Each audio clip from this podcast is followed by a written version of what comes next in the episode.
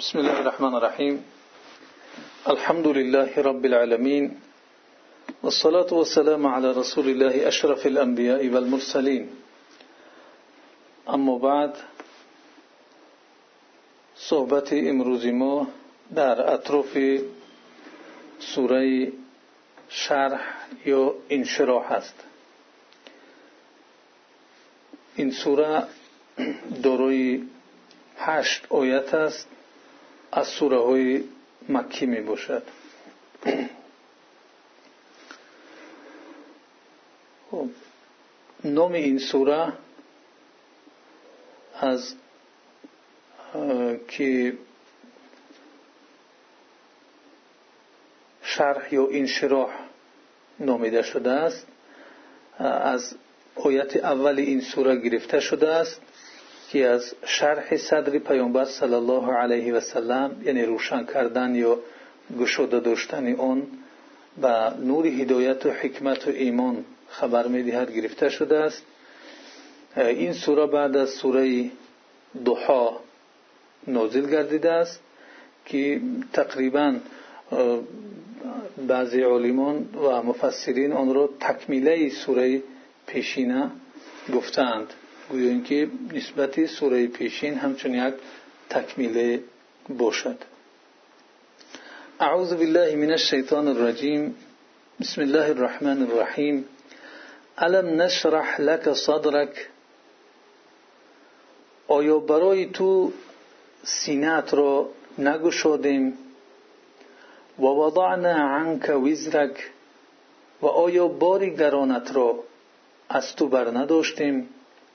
الذي أنقض ظهرك آن باری که پشتی تو را گران کرده بود.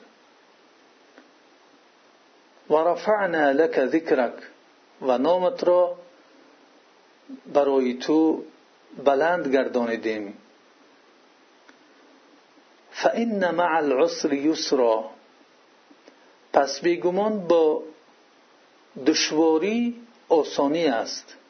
این مع العسر یسرا آره با دشواری آسانی است فاذا فرغت فانصب پس چون فراغت یافتی به طاعت در کوش و الى ربک فرغب و با اشتیاق به سوی پروردگارت روی آور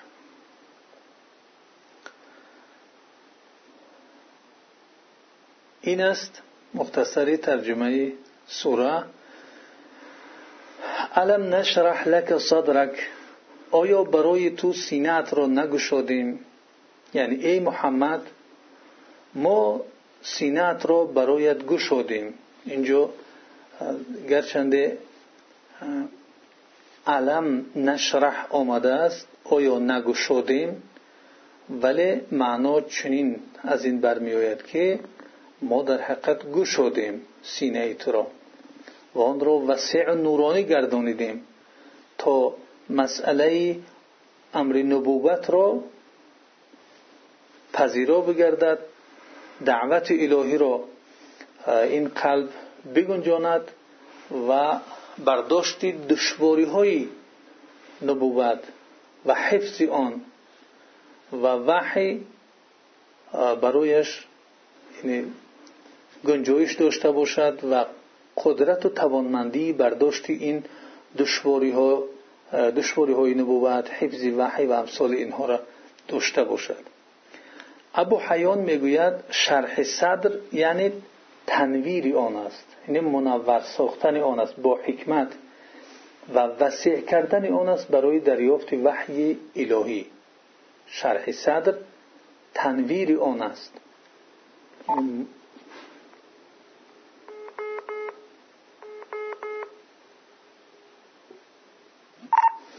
یعنی منور ساختن آن با حکمت و وسیع کردن آن است برای چی؟ برای دریافت وحی الهی. و این قول جمهور مفسران می باشد.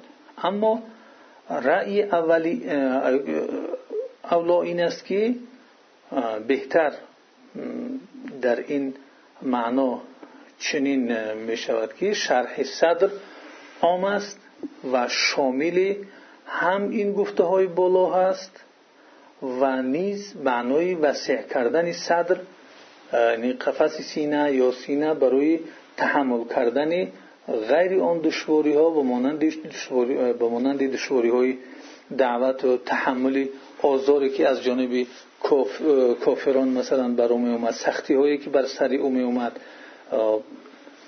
ناهمواری های دیگری نیست که بر سر پیامبر صلی الله علیه و سلم می اومد. یعنی برای همه اینها الله سبحانه و تعالی سینه او را منشریح و گشوده گردونده بود. اکثریت علما بر اینند که شرح صدر امر معنوی است. ولی یک مسئله دیگر است مسئله شقی صدر. یعنی شکفتن و پورا کردن سینه اون حضرت صلی الله علیه و سلم است که اون به وسیله فرشتگان انجام گرفته بود و احادیث در این باره آمده است. و خلاصه این احادیث این است ممکن است فرصت شد با تفصیل تر در اینها در مورد اینها صحبت کنیم. خلاصه این احادیث این است که جبریل علیه السلام در دوران کودکی پیامبر صلی الله علیه و سلم آمد و سینه ایشان را شکافت و قلبش را بیرون آورد و آن را از آن نصیب شیطان یا ناخالصی هایی که داشت پاک کرد و سپس آن را از علم و ایمان پرگردانید و مجددا در سینه ایشان نهاد. امام فخر دین روزی در این مورد نظرش چنین است که شق صدر از جمله ارهاسات نبوت است یعنی از جمله مقدمات و بشارت های پیامبری است علامت های پیش آمد و مقدماتی پیامبری محمد صلی الله علیه و سلم است. و وضعنا عنک وزرک. و آیا باریگرانت را از تو نگذار یعنی بر نداشتیم؟ یعنی در اینجا ویزر گرچنده که به معنای گناه هست لیکن پیامبران چگونه که ما اعتقاد داریم معصوم هستند. از پیامبران گناه سر نمی‌زند بلکه لغزش ها ممکن است رخ بدهد که بعضی لغزش ها را خواهیم در آینده بیان کرد. که در دوران جاهلیت یا در زمان پیامبریش بعضی چیزهایی را انتخاب کرد پیامبر صلی الله علیه و سلم که آن شد که خلاف اولا بود. یعنی یک چیز خوب است یک چیز خوبتر. و امثال اینها. این لغزش ها و امثال اینها را الله سبحانه و تعالی میگه که آیا بار گرانت را از تو بر نداشتیم؟ الذي انقض ظهرك آن چیزی که یعنی آن باری که پشت تو را گرانی کرده بود یا گران کرده بود.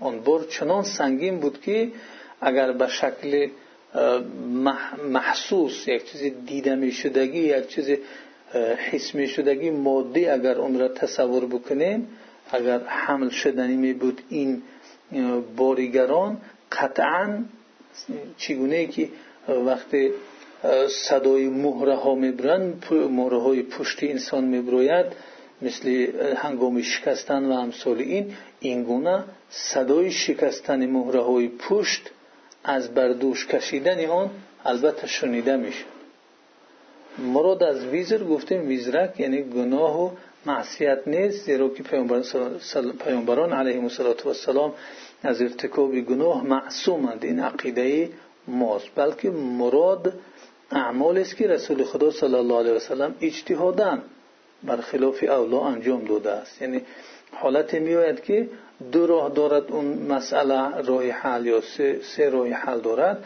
پیامبر صلی الله علیه وسلم راهی را انتخاب کرد که در آنجا راهی شاید بهتری بود. مانند چی؟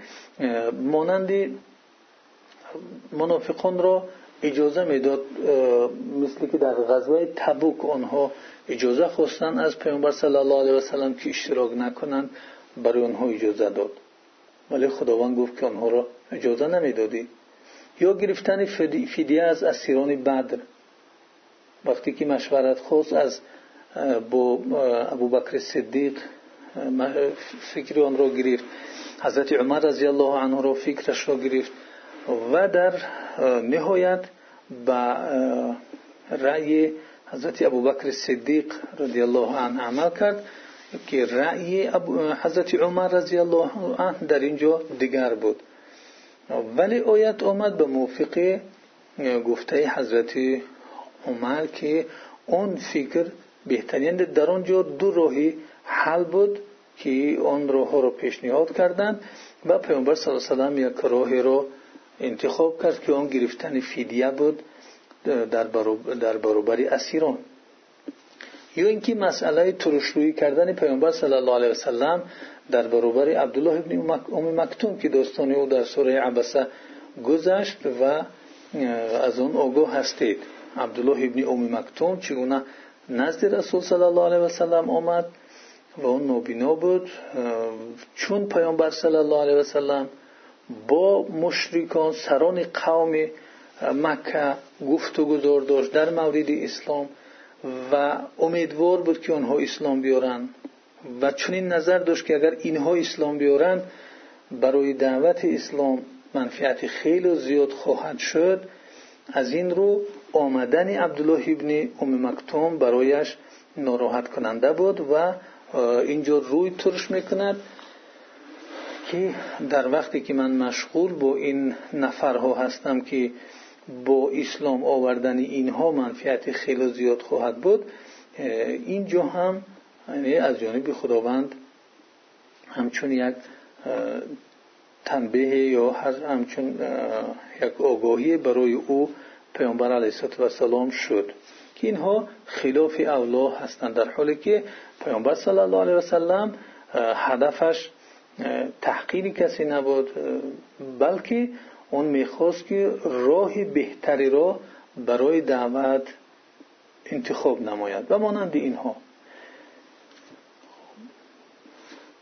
و مراد از برداشتن باریگران یعنی آسان کردن دشواری ها و تکالیف اون مسئولیت ها و وظیفه های پیامبری که برگردن اون حضرت صلی الله علیه و بردوش اون حضرت صلی الله علیه و بود به طوری که یعنی بسیار سنگین است اون مسئولیت هایی که مسئولیت های پیامبری به پیامبر صلی الله علیه و است از دعوت کردن و از هدایت مردم رو دلالت کردن برای حق.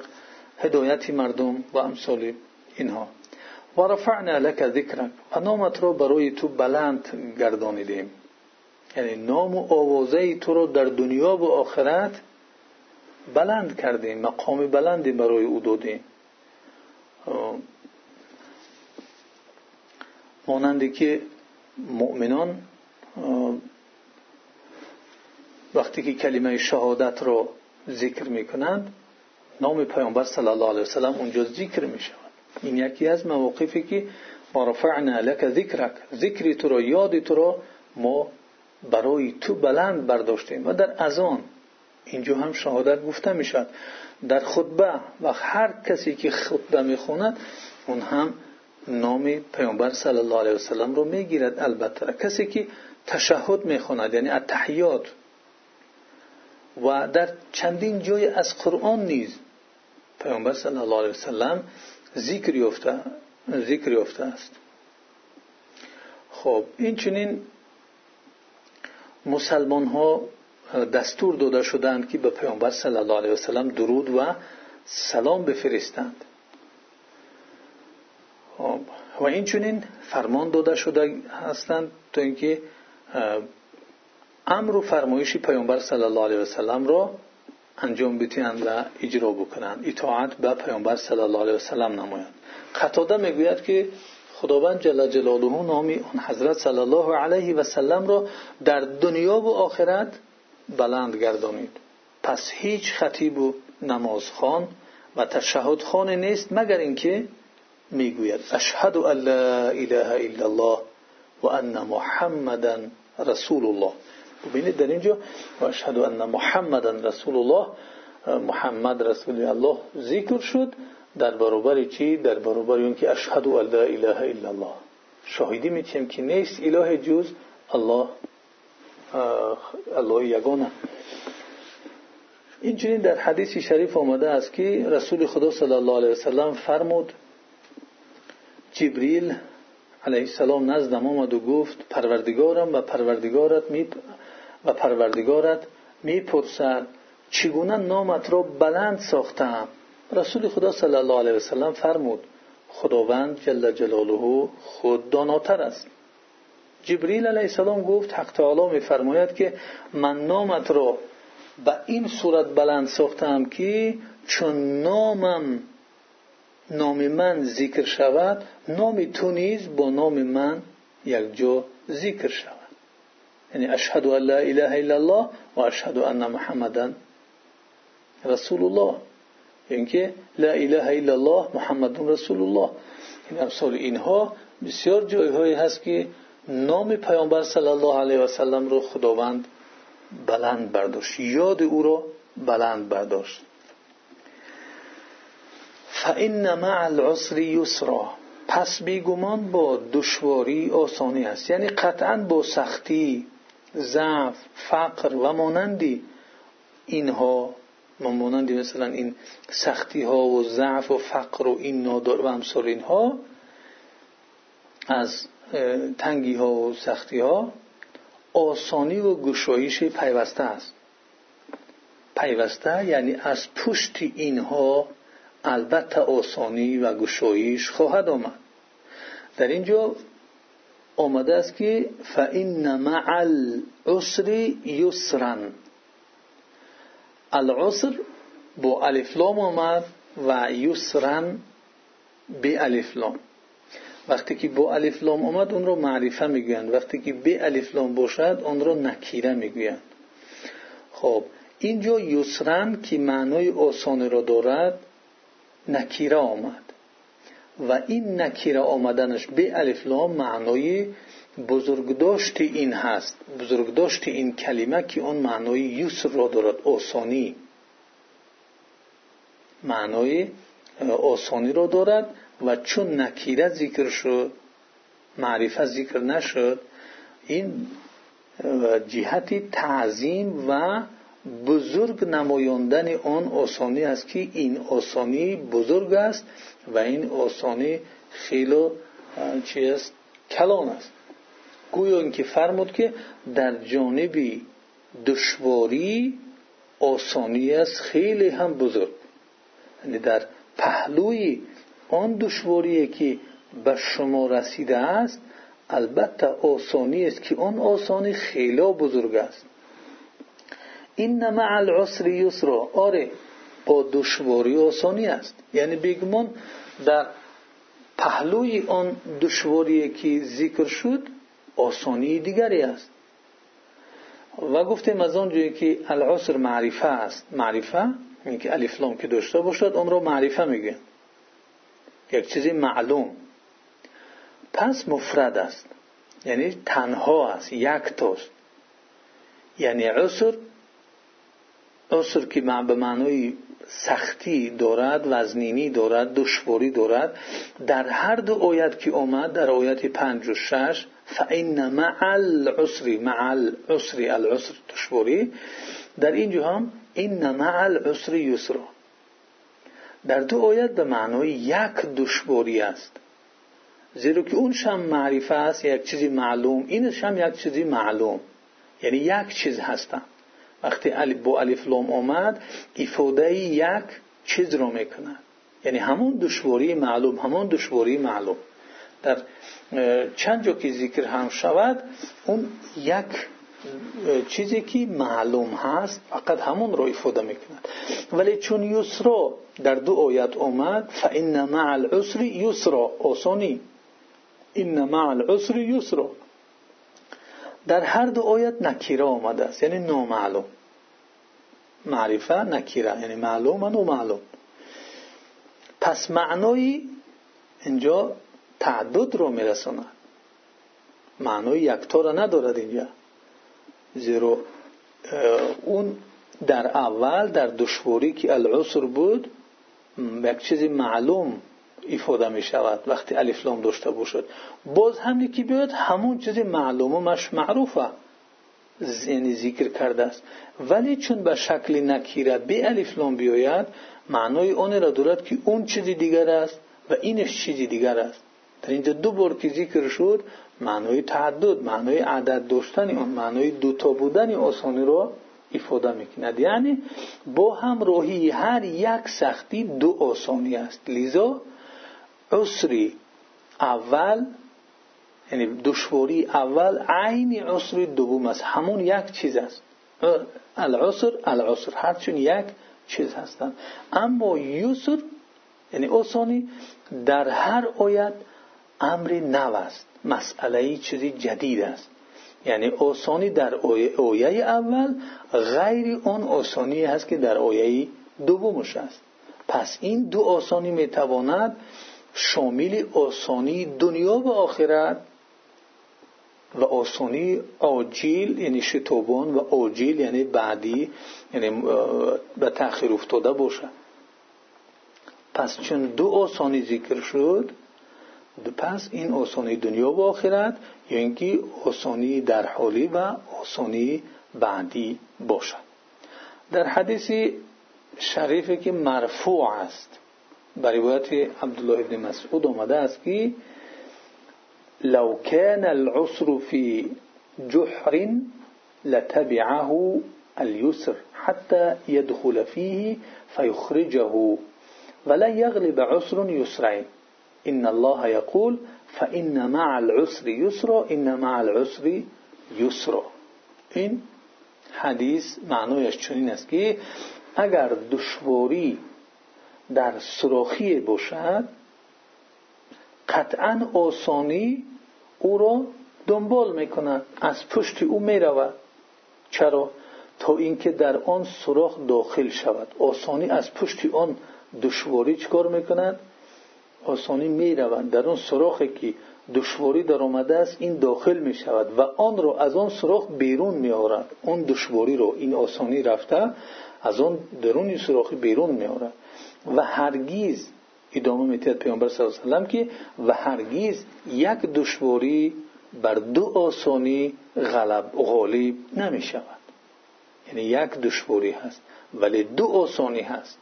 پس می‌گوید که هرگیز یک دشواری بر دو آسانی غالب نمی شود درست است که دشواری ها هست ولی در برابر هر دشواری که در حیات انسان هست در برابرش دو آسانی را خداوند وعده داده است. پس اون دشواری غلبه کننده آسانی ها نیست زیرا آسانی ها دو تا هستند. زیرا که خداوند میفرماید که بیگمان به همراهی دشواری آسانی است. آره در پهلوی دشواری دو آسانی می باشد این است معنای چه؟ گفته خداوند که فإن مع العسر یسر و این مع العسر یسر. سبب نزول این آیت ها یا این سوره این است که روایت شده است که چون مشرکان مسلمانان را به فقر و ناداری تعنه می‌کردن که اینها نادار هستن اینها فقیر هستن اینها یعنی درمانده و ناچار هستند این آیت نازل شد که فإن مع العسر یسر و این مع العسر یسر. ابن جریر تبری از حسن بصری رحمه الله روایت کرده است که گفت چون این آیت نازل شد رسول خدا صلی الله علیه وسلم فرمودند که مجدهتان بود که بر شما آسانی آمد. یعنی برای شما خبری خوش بود که برای شما آسانی آمد. هرگیز یک دشواری بر دو آسانی غالب نمی شود یعنی این وعده الهی و مقررات الهی هست که این مشکلی هایی که هست یکتا هستند در پهلوهای این دشواری ها دو آسانیه دو آسانیه می باشد که پیامبر علیه السلام گفت که هرگیز یک دشواری بر دو آسانی غالب نخواهد شد. فعید فرغت فانصب. پس چون فارغ شدی یا فراغت یافتی یا بیکار شدی به طاعت بکوش. یعنی چون از نماز خود فارغ شدی یا چون از دعوت و رساندنی اوامر الهی فارغ شدی یا چون از دیگر مسئولیت هایی که بر دوشت گذاشته شده است در زندگی فارغ شدی پس در دعا بکش یا اینکه کوشا باش که حاجت خود را از خداوند بخواهی. در عبادت بکش کوشش سخت در عبادت و در دعا و در تضرع خداوند نما. و الى ربک فرغب و با اشتیاق با شوق سخت به سوی پروردگارت روی آور. یعنی مخصوصا به سوی خداوند رغبت و گرایش داشته باشی نه به سوی دیگر چیزها. و در حالی که از دوزخ بیمناک و به بهشت رغبتناک هستی به سوی او الله سبحانه و تعالی زاری و تضرع کن.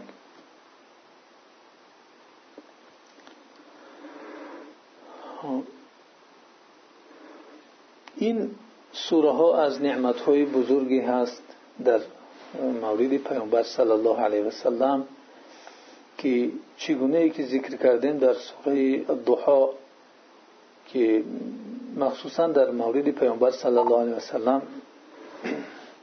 مخصوصا در مورد پیامبر صلی الله علیه و سلم ذکر گردیدند و تسلی به پیامبر صلی الله علیه و سلم می باشند و چون پیامبر صلی الله علیه و سلم این آیت ها برایش نازل شد این سوره ها نازل شد چگونه که دانشمندان ذکر کردند الله اکبر گفت خداوند رو به بزرگیش یاد کرد و این یک سنتی شد که بعد از هر سوره وقتی به سوره دیگر گذشتن الله اکبر گفته به این سوره میگذشت. در اینجا الله سبحانه و تعالی نعمتهایی رو که به پیامبرش ارزانی نموده است منت نهاده ذکر می‌کند که آیا ما سینه تو را یعنی فراخ و گشاده نگردانیدیم؟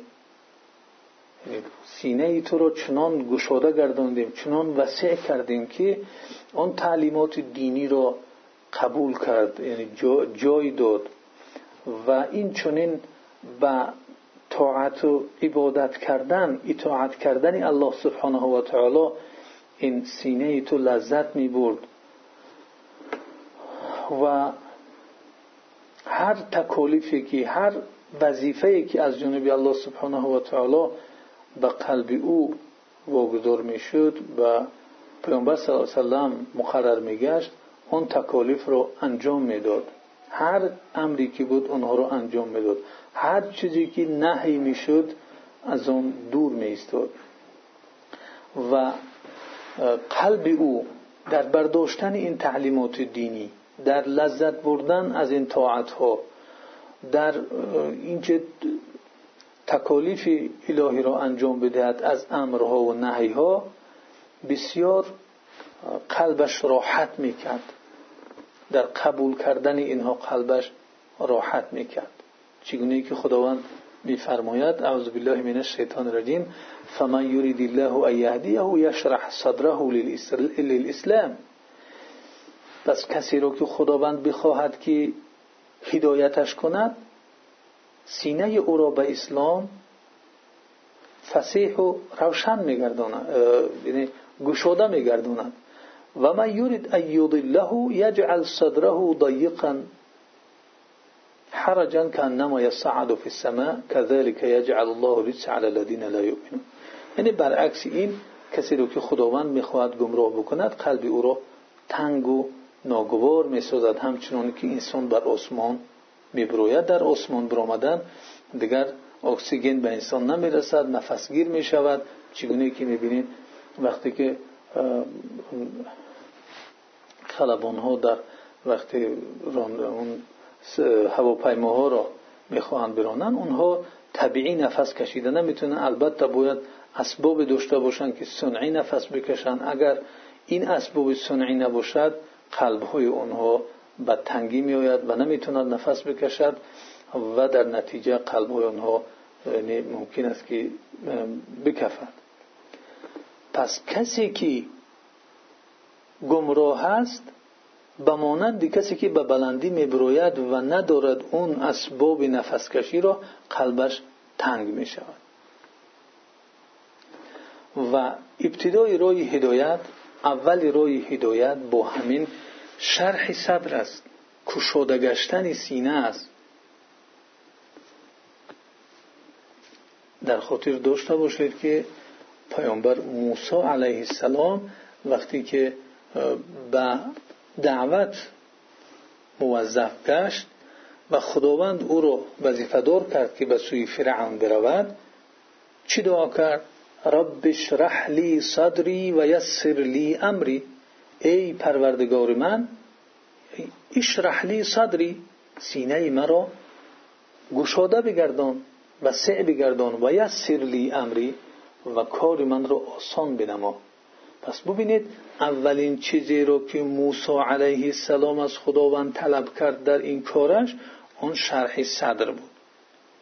پس از اینجا معلوم میگردد که شرح صدر برای انسانی که در راه خدا می‌رود از اموری مهم و اساسی می باشد و این فراخی و این کشادی سینه هست گشودگی سینه انسان است که همه مشکلات را تحمل کرده می‌تواند همه سختی ها رو تحمل کرده می‌تواند. همه تکلیف های از جانب خداوند یعنی آن وظیفه ها و مسئولیت‌هایی که از جانب خداوند در دوش گذاشته می‌شود، آن رو برداشت کرده می تواند آن رو گنجانده می‌تواند. و این برای شخصی که در راه خدا مردم رو می‌خواند از امور مهم است زیرا که در قرآن اومده, اومده است که ولو کنت فضلا غلیظا لنفضوا من حولك اگر تو درشت, درشت قول و درشت دغدغل رفتار می بودی مردم از اطراف تو میگریختن. لنفضوا من حولك ولیکن فبما رحمت من الله لنت لهم. از رحمت الهی بود که تو برای آنها نرمی کردی. قلب تو آنها را توانست که یعنی قبول بکند بگنجاند به اونها سختگیری نکند. این نعمت و منت الهی است. فبما رحمت من الله لینت لهم. اینم از نعمت های الله سبحانه و تعالی منت اوست که به رحمت الهی تو به اونها نرمی کردی. علم نشرح لک صدرک؟ آیا ما سینه ای تو رو فراخ و گشاده نگردانیدیم که ببینید که هر کس این پیامبر صلی الله علیه و سلم رو دوست می داشت هر کس که با او می ایستاد یعنی از او لذت می از نشستن با او. زیرا قلب بسیار سینه بسیار فراخ و گشوده داشت که همه چیز رو برداشت می‌کرد. الله سبحانه و تعالی برای پیامبر ما در این چنین در شب قدر غیر آن حالتی که در کودکی پیامبر علیه سلام شده بود شرح صدر یعنی پاره کردن هم شده گذشته است. یعنی به این صورت موافق احادیثی که رسیده است دو بار برای پیامبر صلی الله علیه و سلم روح داده است که یعنی اگر به معنای شرح معنای پاره کردن قلبش باشد یعنی دو بار روح داده است یک وقت در در وقت کودکیش وقتی در قبیله حلیمه سعدی بود و باری دیگر در شبی اسرا و معراج. که این قصه انشاءالله که برای شما معلوم است. خب، و در آن باری دوم که شب معراج بود در صحیح بخاری و صحیح مسلم این حدیث از ابیذر غفاری رضی الله عنه روایت شده است که در ضمن اون حدیث میآید میگد که ففرج صدری. یعنی سینه من رو یعنی کشوده کرد و آن رو با آب زمزم شست و با یک تشت از تیلا آورده که آن پر از حکمت و پر از ایمان بود و آن رو در سینه من ҷой кард бо ҳадис идома дорад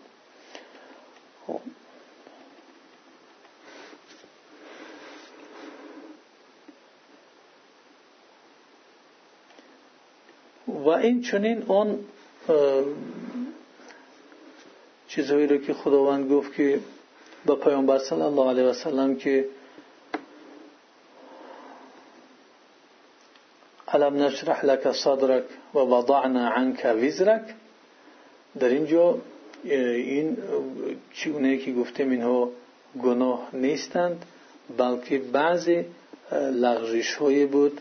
یا اینکه آن غم و اندوهی که از امتش داشت یا از کسانی که مسئولیت دعوتی آنها بر دوشش بود غم آنها را در دل خود داشت از این رو الله سبحانه و تعالی او را گفت که ما از تو این را برداشت کردیم. اون چیزی که یعنی پشتی تو را یا پشتی تو را خم کرده بود یا میانی تو را قریب که شکسته بود که اون صدای انقدر ظهرک یعنی قریب به شکستن اون را رسانده بود.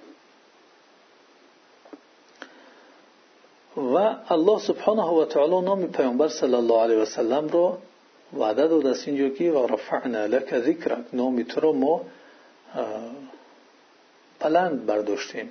نام پیامبر صلی الله علیه و سلم با چند از چند جهت بلند برداشته شدگی است که این منتی الله سبحانه و تعالی است به پیامبرمون محمد صلی الله علیه و سلم که قرآن رو به او آورد به او نازل کرد قرآن رو و او رو به بهترین امت پیامبر به پیامبری برگزید اختیار نمود و این چنین خداوند از پیامبران عهد و پیمان گرفته بود که به او ایمان بیارند. وقتی اگر که مبعوث شد و آنها زنده باشند به او ایمان بیارند در قرآن این عهد و پیمان میگذرد که و اذ اخذ الله میثاق النبیین لما اتیتکم من کتاب و حکمت ثم جاءکم رسول مصدق لما معكم لتؤمنن به ولا تنصرن قال اقررتم واخذتم على ذلكم اصري قالوا اقررنا قال فاشهدوا وانا معكم من الشاهدين فمن تولى بعد ذلك فاولئك هم الفاسقون. این عهدی است که خداوند از اون پیامبرا گرفت در مورد تصدیق کردن محمد صلی الله علیه و سلم این گونه نام پیامبر صلی الله علیه و سلم بلند برداشته شده است از این جانب از جانب دیگر اسلام یگان کس قبول کرده نمی شود تو اینکه بر رسالت پیامبر صلی الله علیه و سلم اقرار نکنه وقتی که میگه اشهد ان لا اله الا الله حتما باید بگه و اشهد ان محمدا عبده و رسوله اگر این رو این جنبه این پهلوی کلمه شهادت را اعتراف نکنند اون مسلمان شماریده نمی‌شد یعنی به این صورت هم نام پیامبر صلی الله علیه وسلم بلند برداشته شده است. و این چنین در ازان گفتیم نام پیامبر صلی الله علیه وسلم گرفته می شود که پنج مراتبه با صدای بلند در همه اطراف و اکناف روی عالم با صدای بلند نامش گرفته می شود و برداشته می شود در اقامت نماز هم این چنین نامش گرفته می شود خب. جای دیگری که نام پیامبر صلی الله علیه وسلم بلند برداشته شده است این آن هنگامی هست که خداوند عزوجل و ملائکش بر پیامبر کریم محمد صلی الله علیه وسلم صلوات میفرستند. ان الله و ملائکته یصلون علی النبی. یا ایها الذين آمنوا صلوا علیه و سلموا تسلیما. همانا خداوند و فرشتگانش بر پیامبر صلوات میفرستند.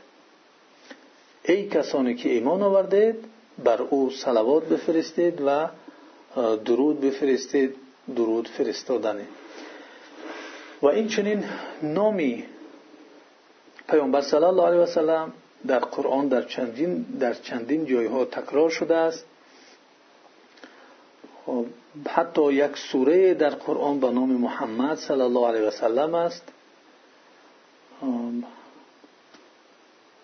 که در آن نازل شده که ولقد آتیناک سبعا من المثانی و العظیم. یعنی باز منت های دیگری رو در آن سوره الله سبحانه و تعالی ذکر می‌کنه که آن سوره فاتحه است.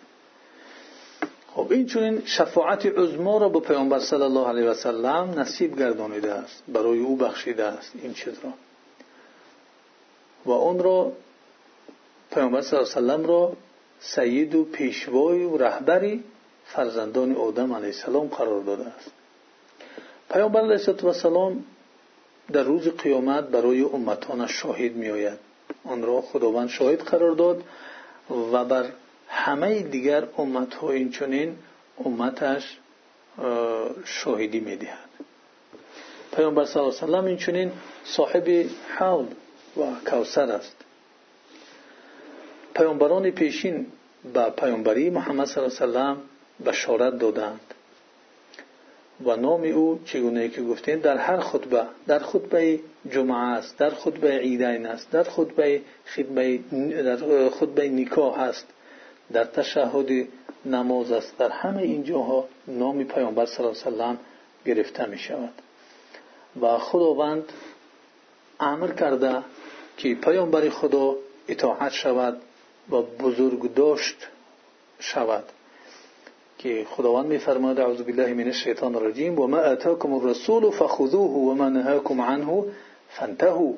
آن چیزی رو که رسول بر شما آورد پس آن را بگیرید و آن چیزی رو که نهی کرد از آن شما را از آن دور بیستید یا اجتناب نمایید. یا اینکه و اطیع الله و اطیع الرسول. و خدا را اطاعت بکنید و رسول را اطاعت بکنید. و امثال اینها در قرآن زیاد ذکر شدند حتی ببینید در جای در سوره حجرات کسی که صدایش را از صدای پیامبر صلی الله علیه و سلم بلند می کند آن را چنین حکم کرده که عملهای او همش برباد می روند در حالی که احساس نمی کنند پیامبر صلی الله علیه و سلم این گونه قدر و مقام و این گونه منزلت الله سبحانه و تعالی برایش داده است. و مشکلی هایی که به سر پیامبر صلی الله علیه و می آید الله سبحانه و تعالی برای او و برای امتش وعده داده است که در برابر هر سختی و هر دشواری که هست دو آسانی خواهد بود. و این نه تنها به پیامبر صلی الله علیه و سلم مخصوص است بلکه به پیامبران دیگر هم مشکلات و سختی ها می آمدند چگونه در قرآن ذکر شده است که حتی اذا استیأس الرسل و ظنوا انهم قد کذبوا جاءهم نصرنا. دیگر تا درجه رسید که رسولان قریب به ناامیدی رسیدند و گمان کردند که آنها دیگر تکذیب شدند. دیگر آنها را باور نمی‌کنند نصرت ما میگه برای آنها آمد. یا اینکه در جای دیگر خداوند میفرماید در قرآن که ام حسبتم ان تدخلوا الجنه ولما یاتکم مثل الذين خلوا من قبلكم مستهم البأساء والضراء وزلزلوا حتى يقول الرسول والذين امنوا معه متى نصر الله؟ الا ان نصر الله قریب یعنی آیا شما چنان پنداشتید که به جنت داخل می‌شوید و برای شما مسئله کسانی که پیش از شما گذشتند که برای اونها سختی ها و دشواری ها آمد. برای شما نمی آید و آنها تا حتی تکان خوردند تا جایی که رسول و کسانی که با اونها بود ایمان کسانی که ایمان آورده بودند با همراهی آن رسول گفتند که متى نصر الله؟ پیروزی و تأیید الهی کی می‌رسد؟ آگاه باشید خداوند میگه که الا این نصر الله قریب. پیروزی خداوند نزدیک است. خب در حقیقت خداوند آن دشواری را دور می‌کند و آسانی را میآورد پس این را برای آن خداوند می‌کند تا اینکه بندگانش شکر گذاری نمایند. فاذا فرغت فانصب. پس وقتی فارغ شدی از این مسئولیت ها از این کارها فانصب. باز به اجتهاد و به کوشش در طاعت مشغول شو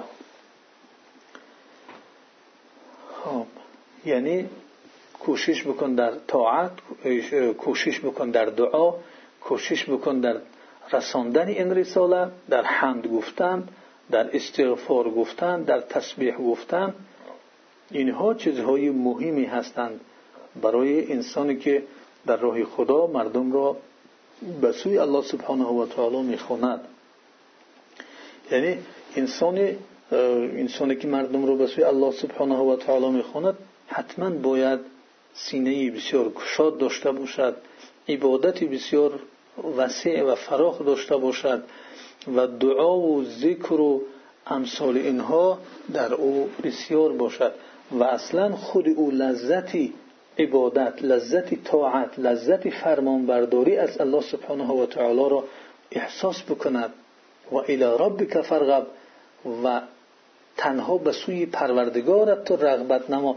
خواهش سختی تو باید به سوی پروردگارت باشد نه به سوی دیگر. خواهش اساسیت رغبت اساسیت به سوی الله باشد. و الی ربک فرغب نه به سوی غیر الله.